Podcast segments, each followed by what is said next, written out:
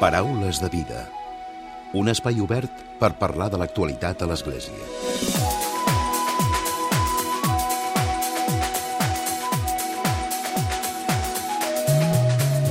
Què tal? Salutacions i molt bon dia, molt bon diumenge. Tal i com deia la setmana passada el seu comentari de l'actualitat, Francesc Romeu, la mort de Pere Casaldàliga ha estat la notícia més important de l'àmbit eclesial durant aquest estiu. Ens ha deixat tot un referent, la veu dels pobres, dels sense terra, dels indígenes i, en definitiva, dels més desvalguts. Des de la mort, des de la seva mort a principis d'agost, concretament el dia 8, s'han fet diversos actes en record a la seva figura. L'últim d'aquests actes ha estat una Eucaristia a Barcelona, a l'església del Cor de Maria, per i en memòria del bisbe claretià Pere Casaldàliga. Avui, des del Paraules de Vida, volem repassar alguns dels moments de la seva vida i ho farem amb Joan Soler, que és fundador de l'associació Araguaia, amb el bisbe Casaldàliga i amb Raül Vico, de l'associació ANSA, creada, en aquest cas, per Pere Casaldàliga al Brasil. De seguida els saludem. I com sempre, tancarem el Paraules de Vida amb el comentari de l'actualitat de Francesc Romeu. Comencem.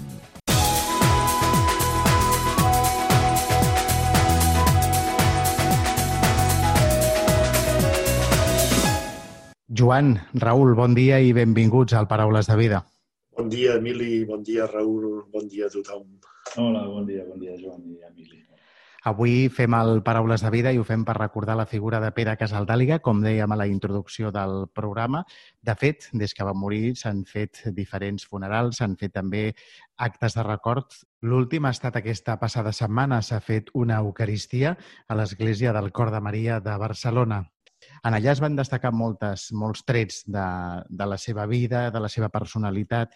Es parlava, Joan, de que Pere Casaldàliga sempre animava la gent a ser persones, a ser gent compromesa, gent que, que no passin desapercebudes eh, per la terra, oi? Sí, sí, sí, sí. És un, un tret seu sempre és el de que ell, eh, diguem-ne, eh, no es posa al davant, sinó que es posa al costat. Ja quan va estar a Barcelona, que ho vàrem recordar, i a l'Església del Cor de Maria, que va estar tres anys allà treballant i al llarg de tota la seva trajectòria i d'una manera molt més forta i potent a Brasil, especialment justament amb aquesta gent més pobra, més exclosa, no?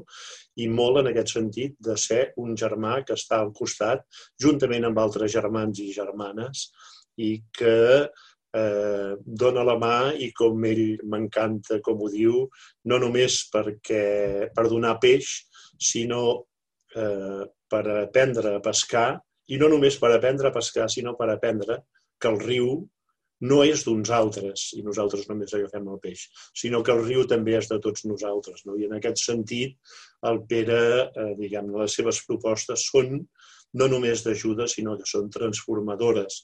I jo crec que un exemple d'això justament és ANSA, aquesta entitat per la qual treballa d'una manera molt especial el Raül, que continua tota la feina, o tota una part important de la feina feta per en Pere. Ara parlarem amb en Raül també d'ANSA, però parlem una mica més de, de la figura de Pere Casaldeliga. Ell deia, no? heu de ser persones d'esperança, de, que de fet és una mica el que, el que deies, no? Joan. Sí, sí, sí, és que és importantíssim i més en aquest moment a vegades m'he trobat amb gent que em pregunta bueno, i tot això que han fet en Pere, tota una altra colla de gent a Brasil, en aquest moment, amb aquest govern terrible que hi ha a Brasil, què en queda de tot això? Sembla que tot es desfaci, es difumini, no? I, jo crec que aquesta aposta d'en Pere per fer tot aquest treball de transformació i sempre, en últim terme, ell insistia, l'esperança. Aquesta esperança que ens fa, com ell diu eh, algunes vegades, els soldats derrotats d'una causa invencible. És a dir, la causa del regne de Déu, la causa del projecte de Jesús, la, la causa del projecte del Pare del Cel, la causa de la vida bona, eh, fraternal, eh, digna, per tothom, eh, és, és, és una causa per la qual val la pena continuar treballant sempre. I en aquest sentit, malgrat totes les dificultats, sempre aquesta esperança que neix de molt endins, de molt endins de tots. No? De fet, com deia, no? les seves causes són universals, les seves causes són compromeses amb les injustícies, no? al costat del més feble, dels més desafavorits no? de la societat. Sí, sí, sí. Jo crec que ell, en aquest sentit, té un tret especial que jo penso que no hi ha eh, molta gent. Tenim molts sants i moltes santes a la nostra tradició catòlica, també a les altres esglésies, altres tradicions religioses, però el Pere té uns trets jesuànics una mica, diguem-ne, que, que li neixen de la seva experiència de Jesús eh, eh, en aquest sentir com a seves les situacions de, de dolor, d'injustícia, d'explotació, de malaltia, de, de, de, de pobresa, d'exclusió, que jo crec que és molt el que sent Jesús. Justament a l'Evangeli que avui llegim a les celebracions, són aquelles benaurances de Lluc, benaurats vosaltres, els pobres, benaurats els qui patiu, que són paraules raríssimes, no? Però és justament perquè en Pere, amb aquest tarannà tan jesuànic, tant de Jesús que ell té, està a prop i està convençut de que eh, la força d'aquest projecte eh, de Déu que està en el profund de la nostra vida i de la nostra història anirà transformant, ajudant a transformar coses. No? I per mi és molt important el que comenten molta gent dels que han viscut eh, temps amb en Pere allà a Sant Fèlix, en el sentit de dir Eh, nosaltres hem experimentat el que és el regne de Déu, aquest projecte de Jesús, perquè l'hem viscut comunitàriament, com a comunitat eclesial i com a comunitat de veïns i veïnes i com a comunitat amb els pobles indígenes, amb els carajars, amb els xavantes, amb els eh, tapirapers, no? Hem viscut aquesta fraternitat que Jesús proposa, no? Uh -huh. I això és essencial, sí.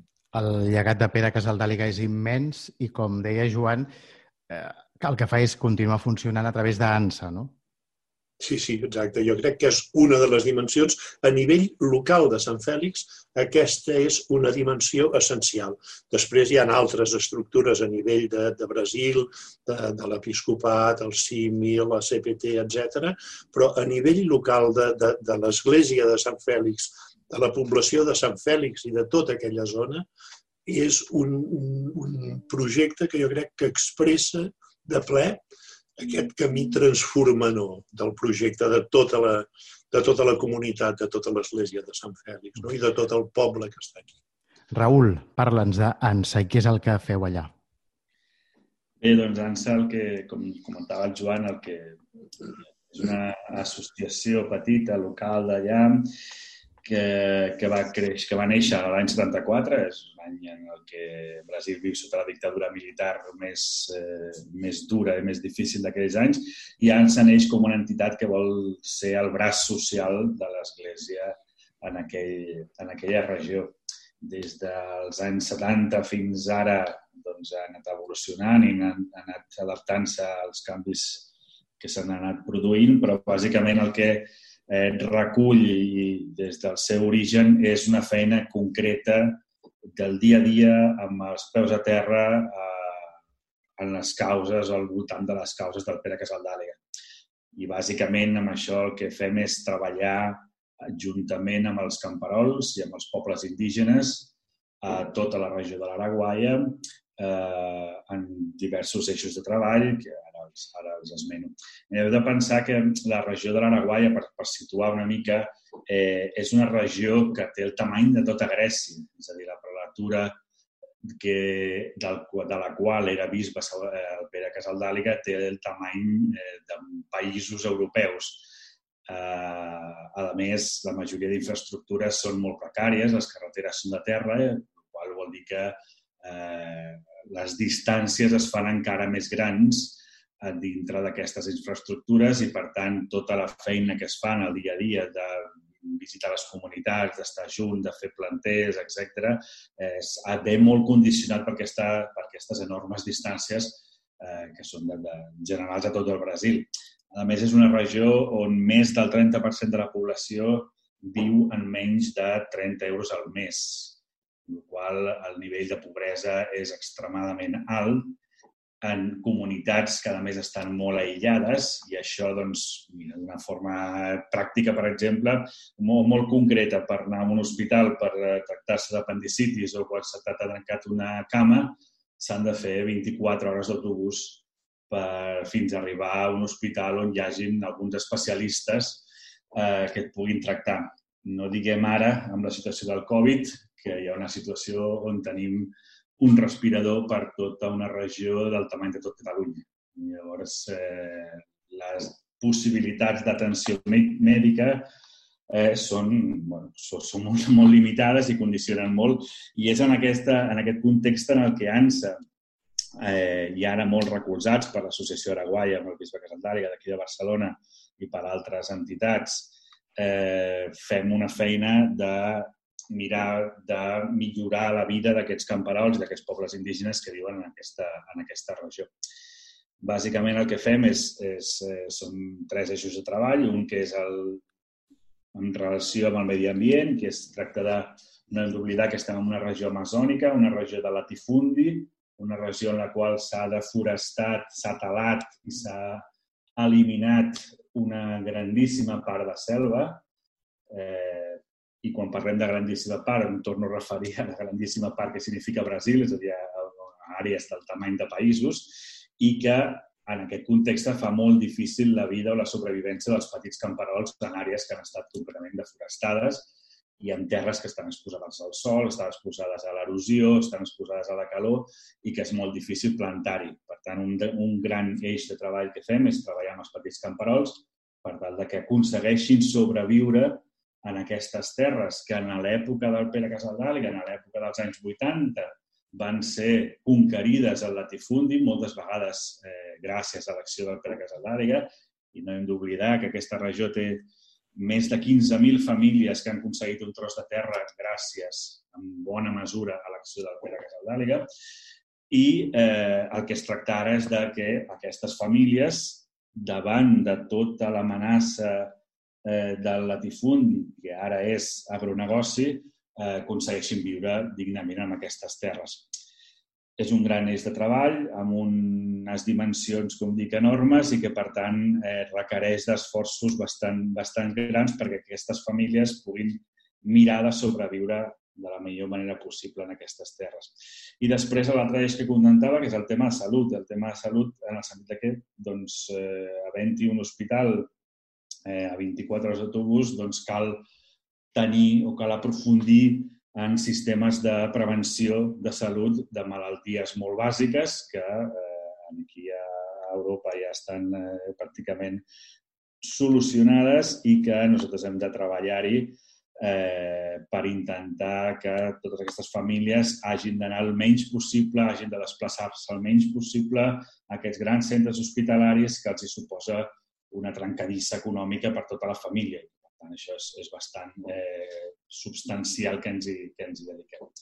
I, finalment, una altra àrea de treball que té a veure amb l'ocupació, que té a veure amb, amb, amb la renda directament, en com obtenir o com millorar les, eh, la renda eh, de les persones que viuen en aquella regió. I en això tenim eh, diversos projectes, un dels quals és el projecte de microcrèdit, que tracta de donar suport a eh, sobretot dones que volen muntar o iniciar o ampliar petits negocis eh, de subsistència per mirar de, de sobreviure en la regió.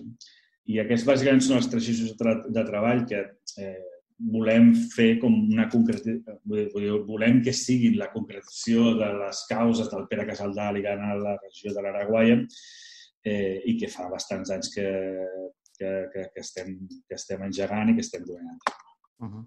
Per tant, Raül, Joan, les causes, la, la vida i tot el que defensava en Pere Casaldàliga tenen continuïtat. Sí, sí, com deia, és que el, el que està explicant en Raül és una plena continuïtat de tot aquest treball, no?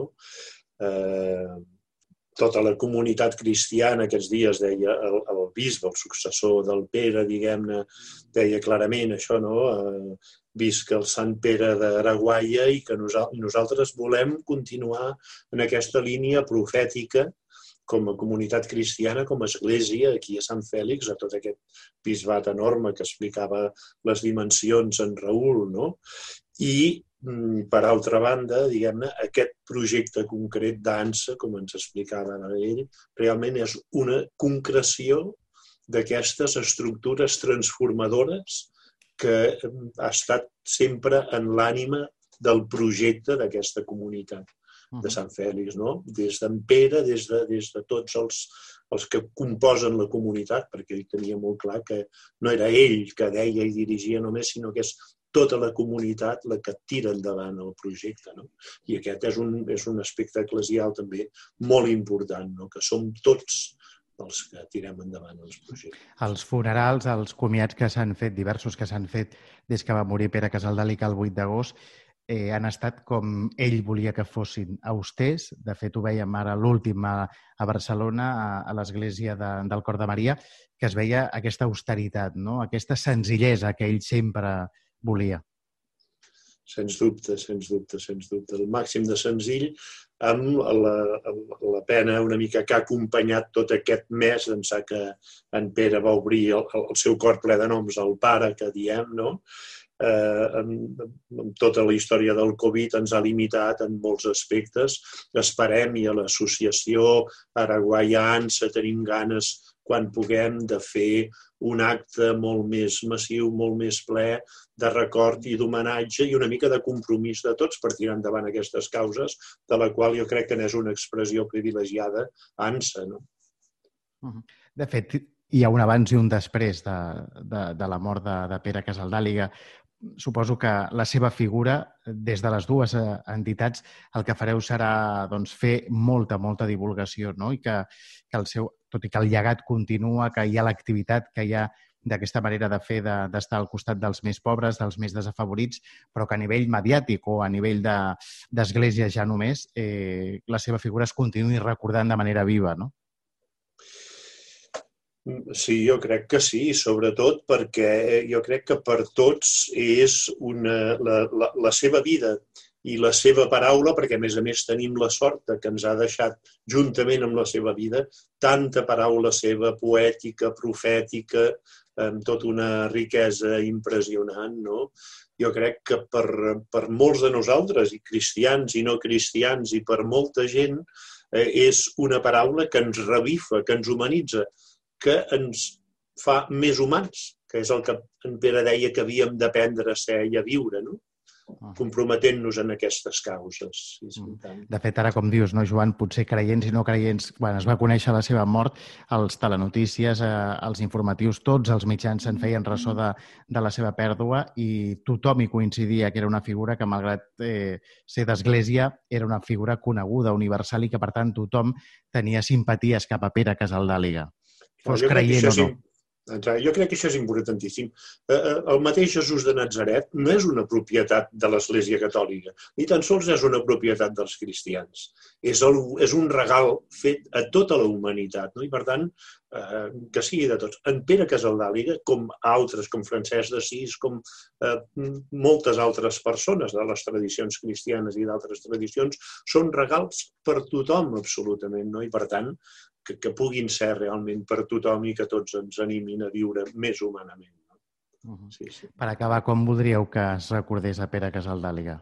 Jo, bueno, jo crec que ja és, que, que és, és, és evident que el Pere es recordarà per tot el que s'ha dit d'ell i sobretot per, crec jo, almenys eh, que el que a mi més, més em va impactar, que és la, la coherència radical, és a dir, el fet de dur allò que on pensa i allò que on creu al dia a dia i a la quotidianitat d'una forma molt natural. I ara parlàvem de la pobresa, de la senzillesa, del seu, eh, del seu funeral i és una cosa molt natural amb ell i que no, vull dir, que, que, que no és un discurs. I jo crec que és la forma que es, que es recordi una persona que simplement eh, que simplement amb tot el que això costa va fer allò que realment creia que havia de fer suposo que per cada un, per cada una, eh, hi hauran accents diversos. Jo crec que en tot cas és un home eh, que amb aquells dos absoluts que diu només hi ha dos absoluts, Déu i la fam, la pobresa, l'exclusió. No? Per tant, una mica anar a buscar aquests absoluts, no? com diuen alguns dels pares d'aquestes teologies dels països del sud, fer Déu i alliberar de la fam. No? Una mica aquestes dimensions. Així que en Pere, com deia en Raül, ensenya d'una manera radical i amb una coherència radical també. Doncs, Joan, Raül, gràcies per haver-nos acompanyat avui. El temps és molt curt i podríem estar més estona parlant de, de Pere Casaldàliga, però estem limitats. Gràcies avui per haver-nos acompanyat. Moltes gràcies a tu, Emília, a vosaltres, Catalunya Ràdio. Un bon dia. Moltes gràcies a vosaltres. Paraules de vida. L'Església dia a dia. I tot seguit arriba, com sempre, el comentari de l'actualitat de Francesc Romeu. Francesc, molt bon dia. Molt bon dia a tothom. Demà dilluns al matí comencen les escoles en tots els seus nivells, des de la primària fins a les universitats, en un context que no és pas gens fàcil. D'una banda, hem de recordar que hi ha nens i nenes que no han trepitjat una aula des del passat dijous 12 de març, fa sis mesos, quan amb el tancament de les escoles es va començar el confinament de tota la població aquell mateix cap de setmana. D'altra banda, el repunt de la transmissió de la Covid-19 d'aquest estiu no és que ens tranquil·litzi massa i no ens dona cap garantia que, es, que ens pugui assegurar que no hi hagi el tancament d'alguna aula, més que no pas el tancament total d'una escola. I d'altra banda, tot un seguit d'incerteses i de contradiccions constants que aquests dies es donaven des de les autoritats sanitàries i administratives de l'ensenyament no crec que hagin ajudat massa a enfortir la confiança dels pares i mares en els seus propis centres. Però sí que hem de reconèixer la vocació docent dels nostres professionals de l'ensenyament, que demà transmetran una absoluta normalitat a la nostra societat. La nostra felicitació al personal docent, que davant d'aquesta situació, amb aquestes expectatives i amb moltíssimes incerteses, demà intentaran aportar una gran dosi de normalitat a una realitat, a uns nois i noies i a uns pares que no les tenen totes. Si durant el confinament, des dels balcons al cap vespre, s'aplaudia el nostre personal sanitari pel gran exemple que ens donaven, potser demà ho hauríem de fer amb el personal docent de l'administració i dels serveis de les nostres escoles. Moltíssimes gràcies. Per acabar, Notícia des de Roma. El papa francès ja té enllestida la seva tercera encíclica, un dels documents de més alt valor en el magisteri d'un papa. Recordem que la primera encíclica va ser escrita a quatre mans, perquè la va heretar gairebé ja redactada del seu antecessor, Benet XVI, i que es titulava La llum de la fe, Lumen Fidei, de l'any 2013. La segona ja fa cinc anys, va ser la Lluat Sigueu, Laudato Si, del 2015, i amb una forta càrrega de contingut ecològic, però d'una ecologia integral, que és aquella ecologia que no sols vetlla per la creació, és a dir, pel món, la natura i els animals, sinó també per la humanitat integrada en la creació. Aquesta tercera porta per títol Germans tots, Fratelli tutti, i serà com una continuació de l'anterior, però centrada sobre la fraternitat i l'amistat social, i inspirant-se també, com l'anterior, en el títol d'un dels escrits de Sant Francesc d'Assís, el sant al qual Jorge Mario Bergoglio li va manllevar el nom aquella tarda del 13 de març del 2013, quan va ser escollit papa. Per tant, ja portem dues encícliques inspirades en el sant d'Assís, Potser per aquest motiu el Vaticà ha anunciat que el papa Francesc anirà a Sis, a la ciutat de Sant Francesc, el proper diumenge 4 d'octubre, dia de la festa del Sant, per tal de signar-hi l'encíclica a sobre de l'altar de la Basílica Franciscana, després de celebrar-li la, la missa en una cerimònia sense fidels, tot respectant l'actual situació sanitària. El papa, per tant, ho farà d'una forma privada, i ho farà sobre la tomba del sant que va compondre un himne sobre la fraternitat en cada criatura de Déu i el va transformar en una cançó intemporal. Si l'anterior encíclica portava el títol Laudato Si per repetir el mateix títol del Càntic de les Criatures, aquesta vegada el Fratelli Tutti, germans tots, s'inspira també en el títol d'un dels escrits de Sant Francesc que diu «Mirem tots els germans, el bon pastor que va sostenir la passió de la creu per salvar les seves ovelles». Amb aquestes paraules, germans, és amb la que el papa Francesc es va presentar també a la multitud de la plaça de Sant Pere aquella tarda que va ser escollit papa. I és també la manera com s'ha comportat amb els immigrants, amb els invisibles. Quan va anar, per exemple, a la illa de Lampedusa o al camp de refugiats de Lesbos que cremava aquesta setmana, o la manera com els hi va donar la mà a Shimon Pérez i a Abu Mazen per tal d'aconseguir la pau entre Israel i Palestina. Fins i tot a la declaració d'Abu Dhabi de l'any passat, que era un document sobre la germanor humana, el papa deia que la germanor neix de la fe en Déu, que és pare de tots i pare de la pau. Aquesta serà la quarta vegada que el papa francès visita la ciutat d'Assís, després de la primera que va fer el mateix dia del sant, del primer any de ser escollit papa, el 2013, i les dues visites que va fer el mateix any 2016, una el 4 d'agost i l'altra el 20 de setembre. Molt bon diumenge a tothom! Paraules de vida amb Emili Pacheco.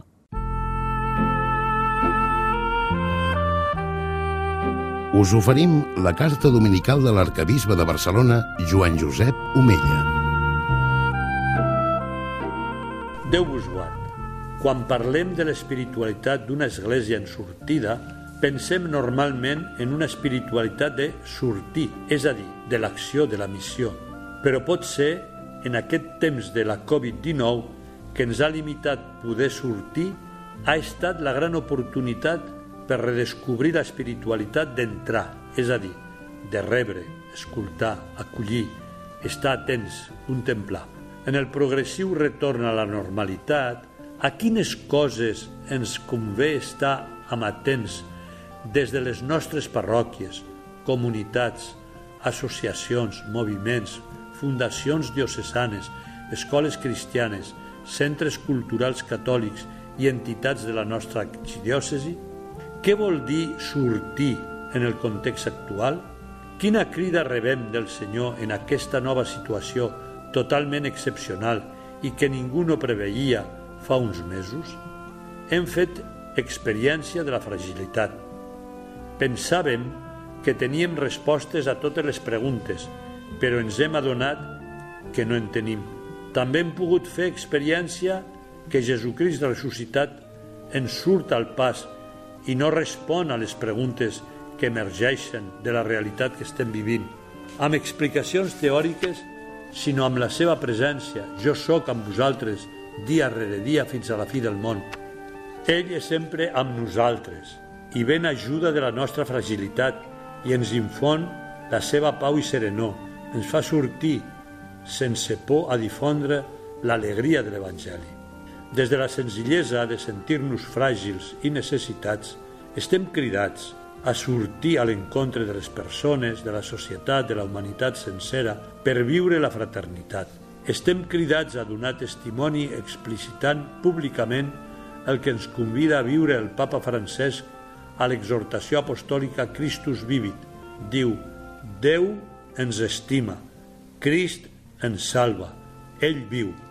Estem cridats, doncs, a un seriós discerniment sobre el futur, a pregar cada dia i a demanar al Senyor quina és la teva voluntat. Caldrà donar resposta als joves i amb els joves i vetllar per aquest nou present i futur. La nostra vocació és servir els més pobres i vulnerables. En aquest sentit, ara haurem de continuar aplicant més que mai el pla pastoral diocesà, seguint l'eix dels joves, cercant els irrenunciables per una pastoral juvenil i alhora la mateixa realitat de la crisi econòmica i social provocada pels efectes de la pandèmia del coronavirus ens exigeixen que unim esforços per acollir i viure l'Evangeli amb els més pobres i vulnerables de la nostra societat. Durant el proper curs pastoral haurem de treballar conjuntament aquests dos eixos. Com veieu, el nostre pla pastoral Sortim és més vigent que mai. Com a església en sortida, doncs, sortim a l'encontre dels germans i de la comunitat a través de la fraternitat. Sortim a l'encontre dels joves, sortim a l'encontre dels pobres i tot des de l'escolta de l'esperit en el discerniment i sobretot des de l'encontre personal i comunitari amb Jesucrist.